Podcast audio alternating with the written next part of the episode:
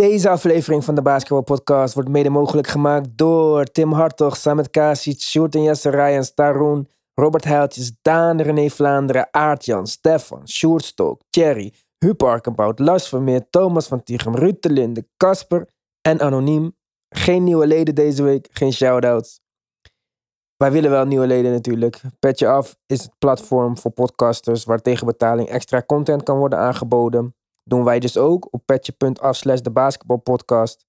Je support daarmee het voortbestaan van deze podcast. Helaas is het niet gratis om een podcast te maken. Dus wil jij een extra uitzending per week of wil je gewoon supporten? Ga dan naar de basketbalpodcast.nl en kies luister op Petje Af.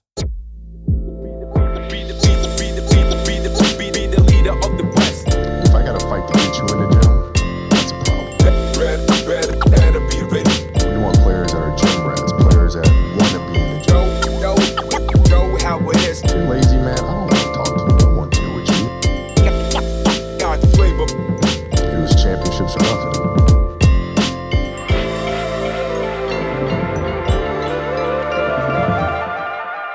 Ja, daar zijn we weer op pakjesavond. Voor sommige mensen een eh, groot feest. En eh, voor sommige mensen een uh, treurige dag.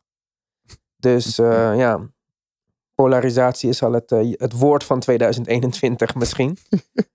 dus eh, waarom niet nog meer eh, tegenstrijdigheid? Anyway, wat je ook doet, protesteren of cadeautjes uitpakken, veel plezier. Wij gaan het gewoon lekker over basketbal hebben. Want dat is waarom je naar ons luistert, niet voor politiek commentaar. En ja, dan moet ik beginnen met iets pijnlijks voor mij. Ik ga zo, zo meteen eventjes de health and safety protocol dingen doen.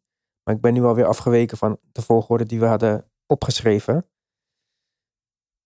Ik eh, heb een domme uitspraak gedaan twee weken geleden.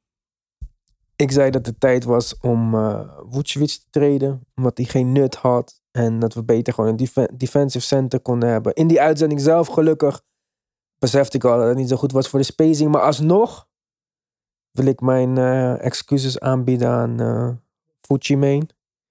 Omdat, eh, ja, hij doet het gewoon heel erg goed. En het was een dom idee.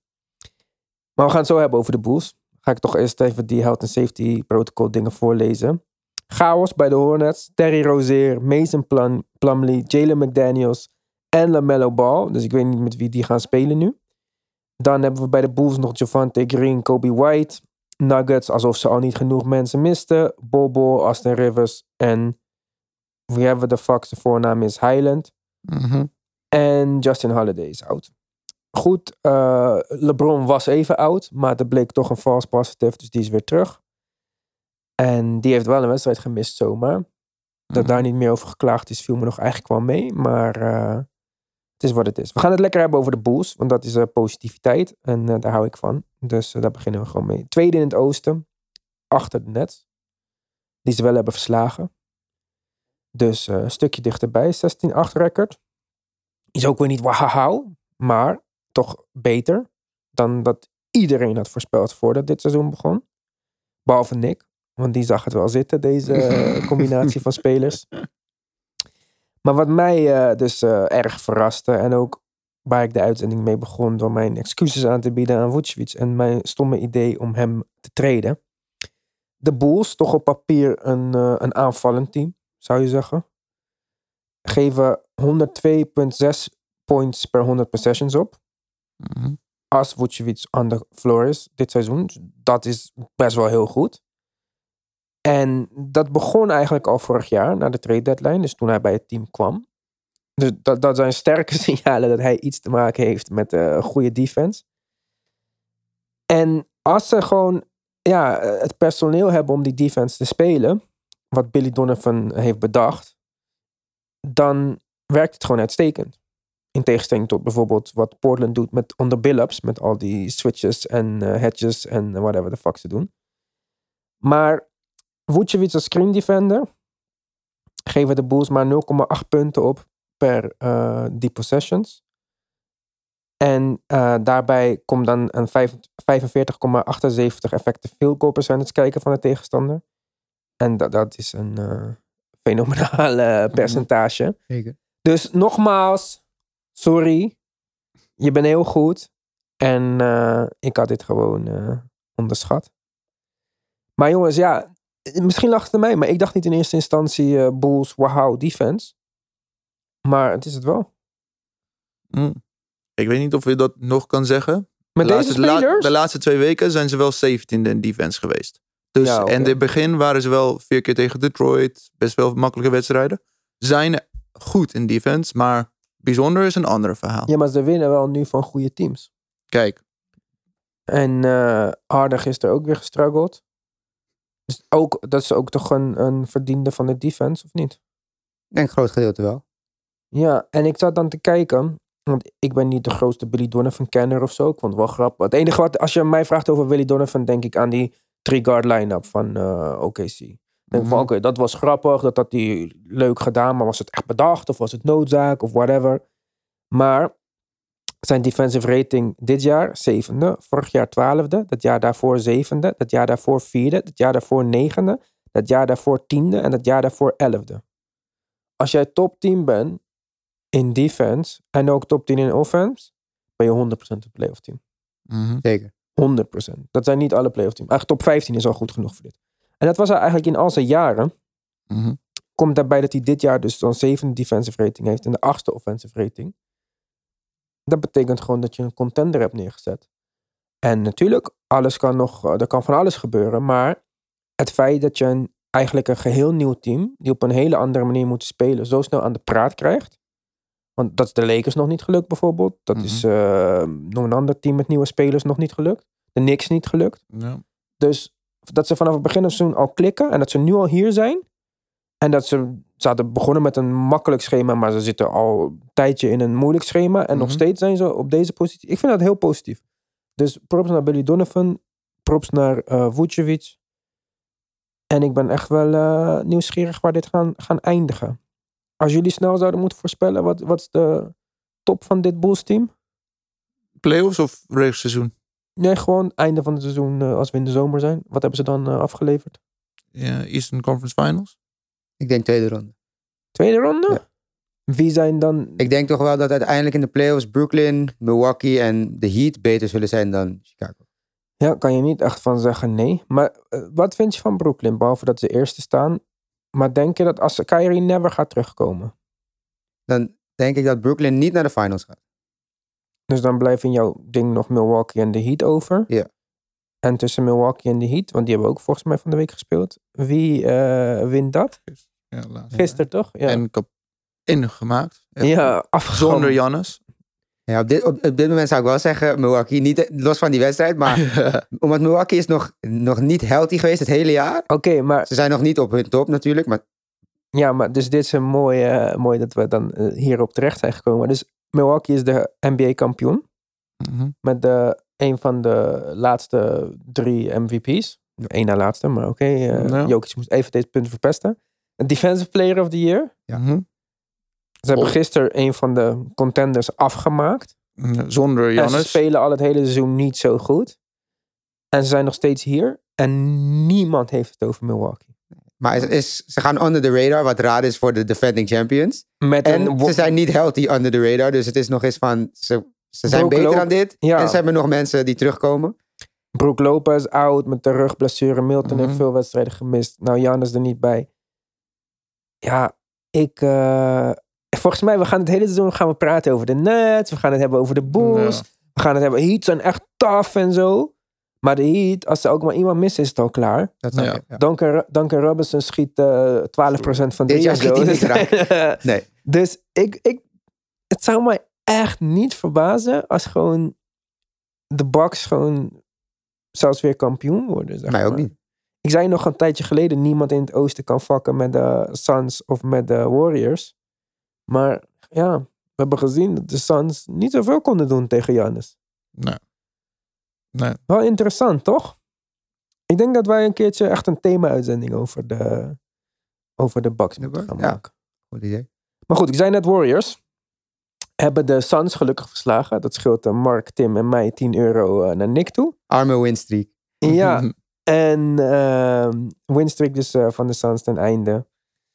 Eh Mikael Bridges, waar we het ook uitgebreid over hebben gehad op, in de Petje Af aflevering volgens Ja. mij. die verdedigde Curry uiteindelijk maar vier minuten deze wedstrijd. Ja. Wiggins wel tegen Chris Paul vanaf het begin van de wedstrijd. Wat ik weer daar afvroeg. Dus alles eh, wordt daar deze week gelijk eh, bewezen of verworpen. Eten, daar hebben we het ook uitgebreid over Ja. gehad in de afgelopen uitzending. Ik zei, dit kan wel eens een probleem worden voor Phoenix om te verdedigen. Maar deze wedstrijd struggelde die gewoon tegen Green. ja. Dus Mark, heb jij daar statistieken op over?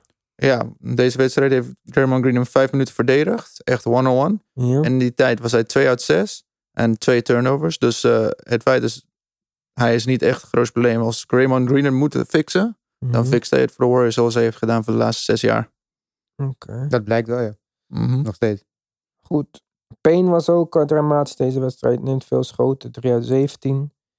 Dat is natuurlijk niet eh supergoed. Eh Nick is er daar niet bij. Komt hij alweer naar boven in deze podcast. Gaat hij ook nog op een negatieve manier komen later in de podcast. Maar eerst even een positief puntje. Hij heeft het over Javel McGee. Nou, Javel is, eh, heeft 9,9 punten per wedstrijd dit seizoen. En 7 rebounds in 15,6 minuten. Dus dat zijn uitstekende stats. Eh, vertaal het naar 36 eh, minuten per wedstrijd, per 36. En dan zou het 23 en 16 zijn. Jezus. Dat is heel heftig.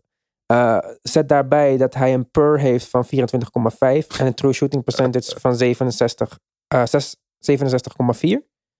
Ja, dat eh, maakt hem 19e in de NBA in plus minus. En eigenlijk de perfecte backup center in de NBA. Als je kijkt naar estimated plus minus, is dit Mhm. jaar dubbele van, het, van zijn career high. Dus hij heeft echt een rol gevonden in deze Suns rotatie. Die hem heel goed ligt. Underrated signing voor de Suns ook, denk ik. Heel underrated. Ja. Want je dacht, je denkt, je dacht, men zou kunnen denken. 5 miljoen voor een backup center. Die ook voor minimumcontract misschien zo iemand kan krijgen. Maar het, zijn, het heeft tot nu toe echt uitstekend uitgepakt. Dus eh, heel goed van de Suns. Heel goed gezien. Natuurlijk chaos daar in die organisatie. Maar ehm, als je het kijkt vanaf eigenlijk de bubble tot aan nu, zijn ze een van de beste teams in de NBA geweest. En hebben ze ook een paar van de slimste moves in de NBA gemaakt. En zelfs het eten niet resignen heeft nog niet tot problemen geleid. Precies. Nee, klopt. Nee. Dus eh, ja, ik denk eh, heel positief eigenlijk tot nu toe. Maar oké, eh, Warriors winnen die wedstrijd. Nick krijgt geen geld. Eh, prima. Was natuurlijk ook de grootste kans vooraf dat het of 1-1 werd of wat. Ehm, Warriors hebben die wedstrijd daarna wel verloren tegen de Spurs. Die ook opeens een beetje hot zijn geworden. Mhm. In die wedstrijd was Curry weer wat, eh, wat slechter. Schoot 7 van 28. Eh, Spurs zijn nu 8 en 13. Na volgens mij een 4 game winstreak of zo. Dus ja, dat is ook wel een beetje kansloos. Dat je na een 4 game winstreek nog steeds eh, ver onder 500 bent. Ze zijn 12 in het westen. Je kan de Spurs nooit uit, uit wegschrijven. Hoe zeg je dat? Ja, nooit helemaal. Nee, ze gaan altijd wel meedoen. En helemaal met de play-ins. Maar ehm Mark heeft, heeft even de line-ups onder elkaar gezet. Doug McDermott, Jonathan Murray, Derek White, Drew Eubanks en Keldon Johnson. Dat is de line-up die het meeste minuten heeft gespeeld. En daarin de beste cijfers heeft. Of tenminste niet de beste cijfers, want net rating is min 10. Slechtste cijfer. Ja, slechtste cijfers, sorry.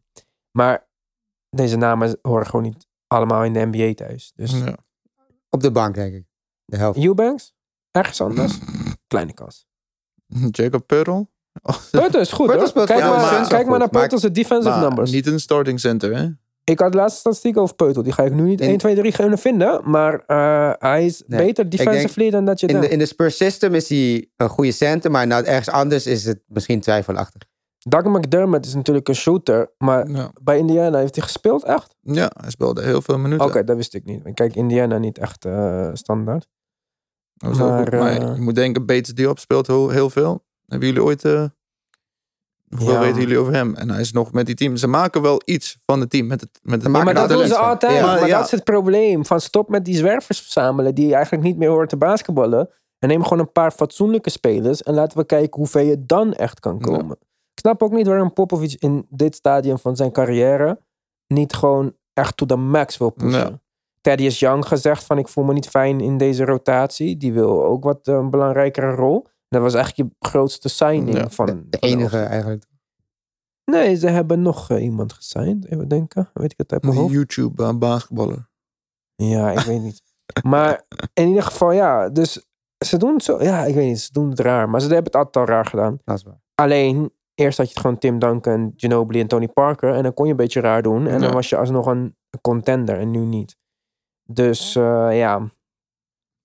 Eh, ja, jammer eh, dat ze niet wat meer spelers hebben. Wel leuk dat ze een beetje weer meedoen. eh. Precies. ik vind dat John Timmer echt een goede speler. Maar ik weet niet of hij goed genoeg is om echt de ster van een team te zijn of zo. Maar wat hij doet de laatste wedstrijd is wel, eh, Ja. wel echt... eh, Hij laat goede stappen zien. Net zoals Ja. Johnson. Dat ook wel. Ik denk dat hij ja, die was een beetje de revelatie van vorig seizoen, Ja. zeg maar. Ja. nog meegespeeld met Team USA. Ja, dat helpt. Dat heeft veel ve- spelers in het verleden. Iedereen eigenlijk behalve Kenneth Verriet geholpen in zijn Ja. carrière. En trouwens, Kenneth Verriet ook, want die kreeg na Team USA een groot contract.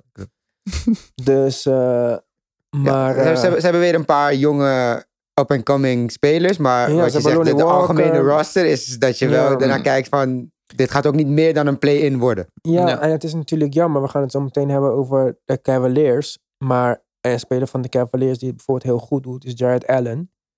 Die dus vorig jaar in de Harden trade gratis is opgegeven. Basically. En als je kijkt, zeg maar, als ik nu kijk, we zijn een jaar verder. En misschien heeft Allen ook dingen gedaan wat ik niet had verwacht en zo. Want hij is nu ook gewoon offensively een stuk beter dan dat hij ooit was. Maar stel je voor dat je een Jared Allen had bij de Spurs om de rim te Mhm. verdedigen. En niet alleen bij de Spurs, stel je voor dat je Jared Allen had bij de Trailblazers om de rim te verdedigen. En dit was een speler die de Cavs gratis hebben Ja. genomen. Het is niet als in, ze hebben ook maar een pick. Nee, ze hebben hem gekregen. Ja. En deze speler had echt een verschil kunnen maken. En ja, ik zei net iets over Billups volgens mij, maar hij spelen nu andere defense. Mhm. En in plaats van dat Nurkic eh, de ring verdedigt, eh, moet hij wat driepuntslijn, uh, eh. hatchen en zo. Het slaat nergens op. Dus, maar stel je voor dat Jared Allen dat was, dan had Ja. dat wel al beter gekund. En als je drop wil spelen met Jared Allen, kan het ook beter. Dus eigenlijk in alle gevallen is het gewoon... Maar goed, we gaan het zo hebben over de Cleveland Cavaliers. Maar Spurs dus, ja, eh, leuk, maar eh, uiteindelijk gaat het nergens toe leiden. Dus dat Precies. is jammer. Eh, maar dus eh, vier, vier game winning streak. Net zoals de Cavs. Mhm. Sinds Mobley terug is. Ja. Een van de spelers die ik had underrated dit seizoen, denk ik. Voor een rook. Ik had niet verwacht dat hij mee zou doen in de Rookie of the Year dingen. Ik dacht, maar het wordt wel... Ik dacht nog Kate of Jalen Green, maar dan waarschijnlijk Jalen Green. Want die mag alles doen wat hij wil. Precies. Dat is dus niet zo uitgepakt. Kate heeft natuurlijk wat tijd gemist, is, maar is wel goed, vind ik. Op weg. Maar Mobley Mobley leidt de Is wagen nu, denk ik, op dit is moment. echt een beest. Je ziet, hij, hij heeft gewoon heel veel impact Ja, op de hoe- Cavaliers. Ja, Samen met Jared Allen. Want als zij samen op de floor staan... wat ik dacht dat niet kon. Wat niemand Ja. dacht dat kon in eerste Ja. instantie. Ze hebben drie guys van 7 feet of langer op het veld tegelijk. Ja, met Markenen op de small forward Ja. positie. Maar met eh, Mobley als power forward en Jared Allen eh, als center. Sinds de Sexton injury wel. Mhm. eh, laten de Cavs maar 101.4 points per 100 possessions toe. En dat is voor op dit moment tweede beste defense voor opponent points in de NBA. Ik bedoel, niemand had waarschijnlijk verwacht dat de Cavaliers in de top 10 defense zouden zijn. Laat staan nu de top niet. 2 defense. En Evan Mobley, zelfs als hij niet veel scoort, zoals afgelopen game had hij een hele slechte field goal percentage, Mhm. was hij nog steeds plus 21 in de plus minus. Omdat hij gewoon zoveel eh, Andere impact heeft ja, op Ja. defense. Hij valt bijna niet voor een rookie, wat heel bijzonder is. Hij houdt zijn handen heel goed omhoog, waardoor hij toch wat blocks per game pakt. Ja. In de laatste vier games heeft hij drie blocks per game. Ik bedoel, voor een rookie is dat best wel bijzonder in de huidige Ja. NBA, denk ik. Maar dat is het ook. Kijk, ze zeiden van in deze draft zijn maar twee ehm, franchise-spelers. Kate Mhm. en Mobley. En ik dacht, ja, ik zie je niet echt bij die Mobley. Hij is gewoon niet, hij heeft geen NBA-body. Mhm. Hoe gaat hij, welke, gaat hij vijf zijn? Gaat hij...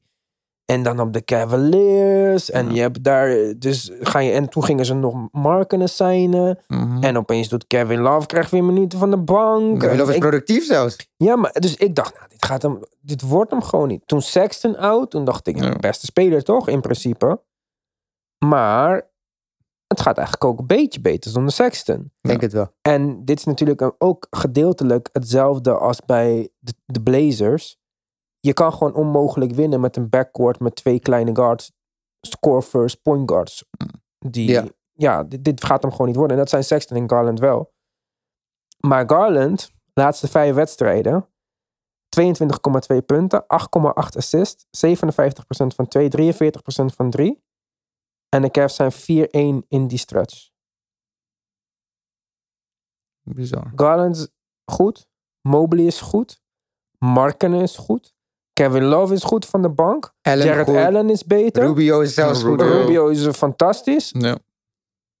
Dus, en toen dacht ik, hé, hey, wie was ook weer de general manager van eh, Cleveland? Want dit zijn moves die ik niet had gemaakt, Ja. die goed zijn. Dus dan ben ik altijd nieuwsgierig van, oké, ben je super slim of is het muscle, weet je wel? Dus ik zoek, en het is natuurlijk Kobe Altman. Ja. Als je, het, als je het leest, dan weet je het wel.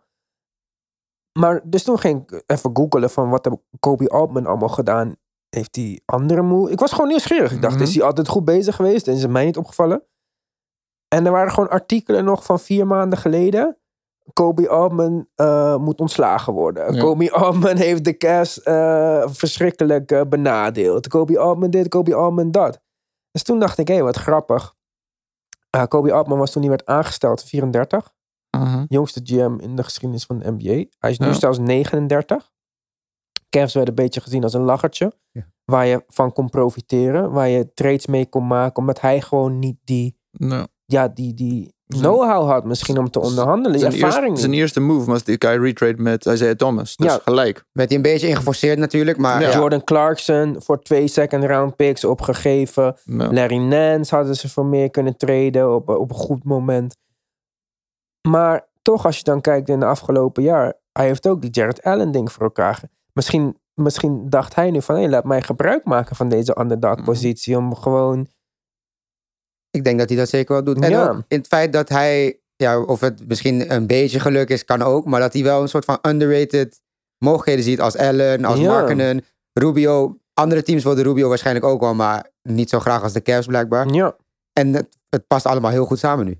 Precies. En ook Marken, hij heeft hem natuurlijk best wel een dik contract gegeven. Mhm. Voor, voor Marken, zeg maar. Ja. Maar ook weer niet een desastreus contract. Dus als het zo was afgelopen dat Marken er niks was, was het nog steeds niet echt een probleem geweest, zeg maar. En dan, ja, nogmaals, als je kijkt naar andere teams, er waren denk ik een hoop teams die deze Marken hadden kunnen gebruiken. En hij zag die kansen. Het is niet alsof eh, de Rozen naar Cleveland wou of zo, zeg maar. Nee.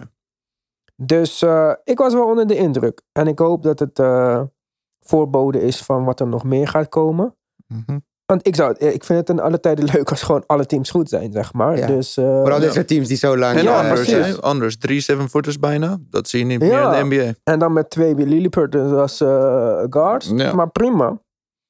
Maar eh, dus ik vind het wel leuk. Ik hoop dat zij nog een beetje iemand krijgen of zo. Of eh, misschien ga- kan hij ook een keer dan een- nog een trade maken. Mhm. Misschien Kevin Love weg, maar als het zo goed gaat, is dat misschien Ik niet vind nodig. dat Kevin Love het prima doet nu.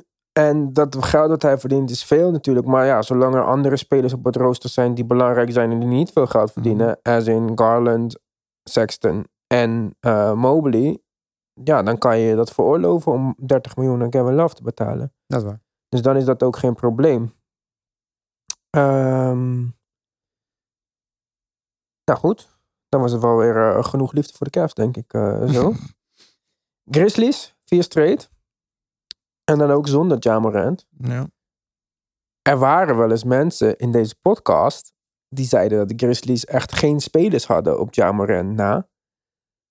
En toen noemde ik bijvoorbeeld een Desmond Bain. En toen zei deze bepaalde persoon: nee, die is helemaal niet goed. Dus dan wil ik toch even een beetje aandacht voor wat Desmond Bain in de afgelopen wedstrijden heeft gedaan.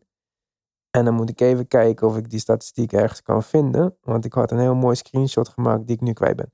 Maar in ieder geval, Desmond, Gain, Desmond Bain speelt hartstikke goed.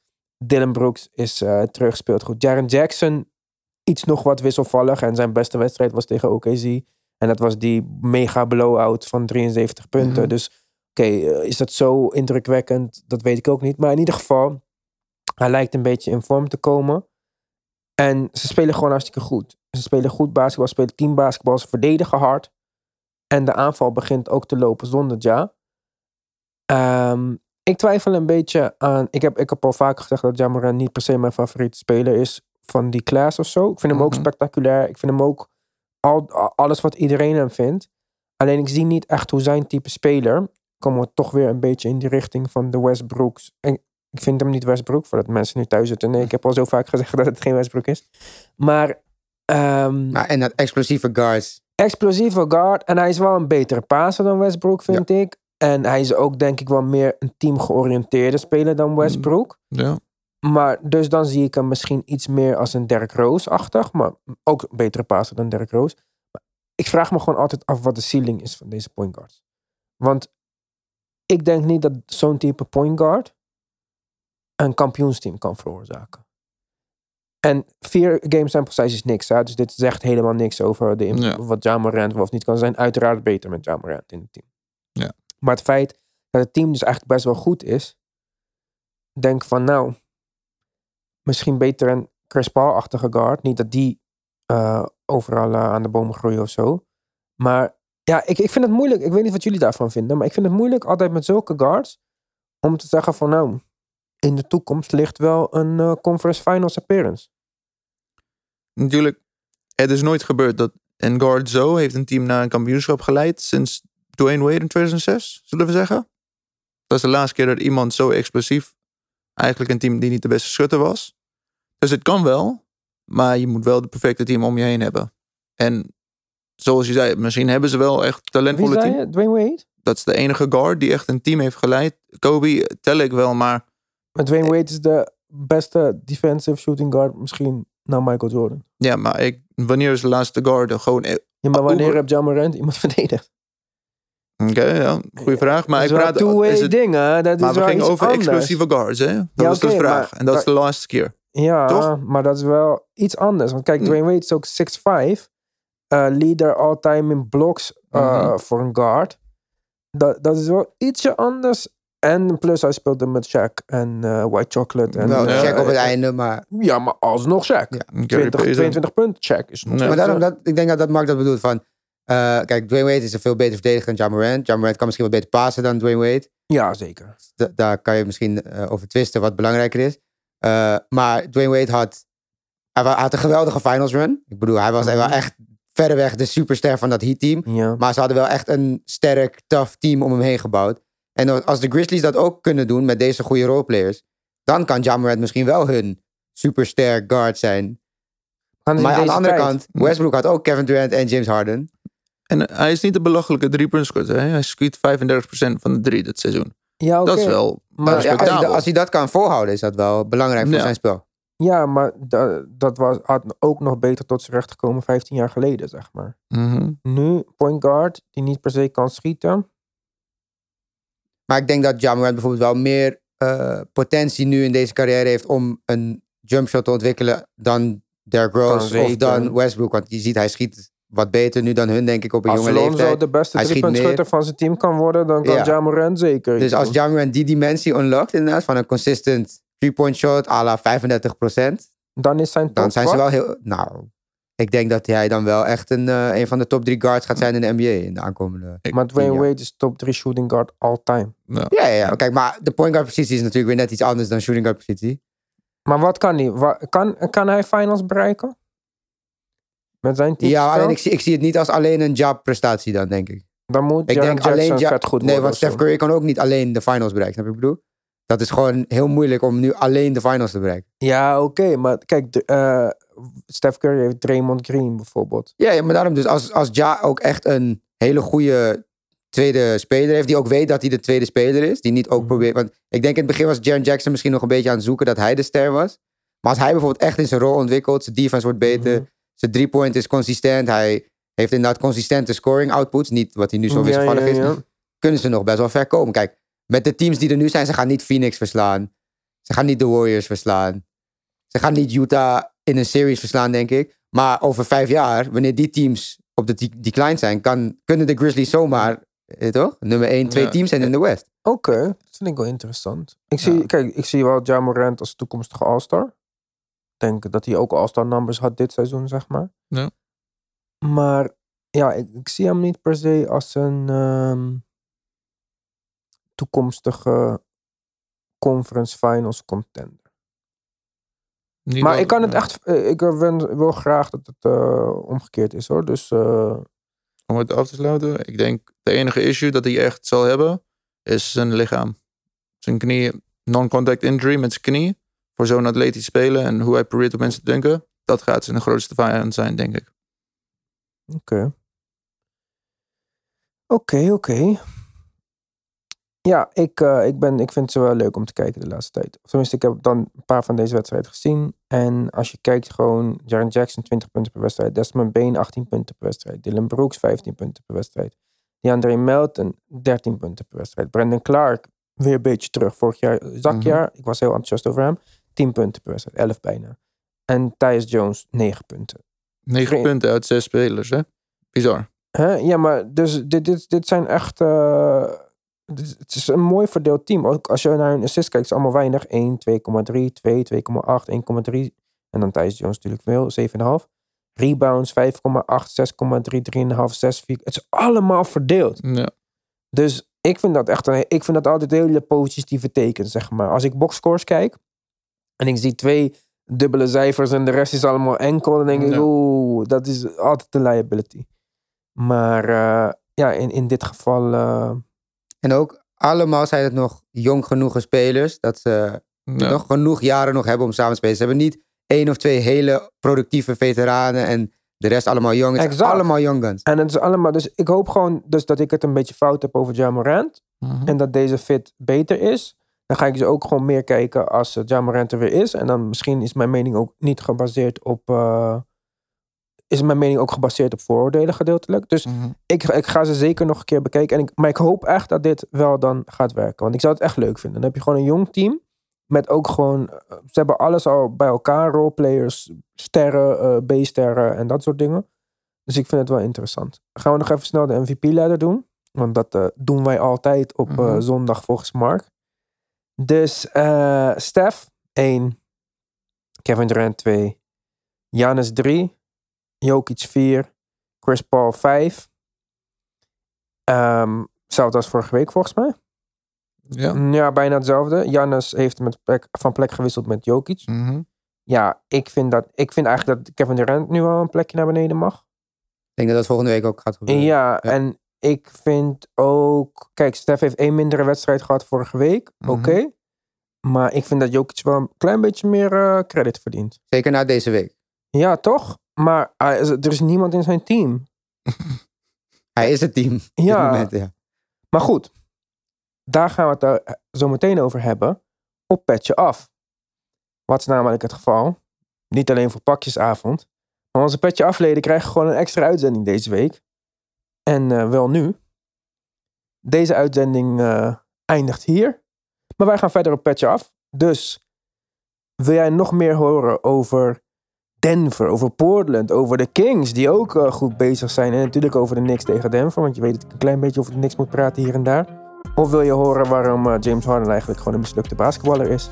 Ga dan naar petje.af de of naar de basketbalpodcast.nl en klik luister op Petje Af.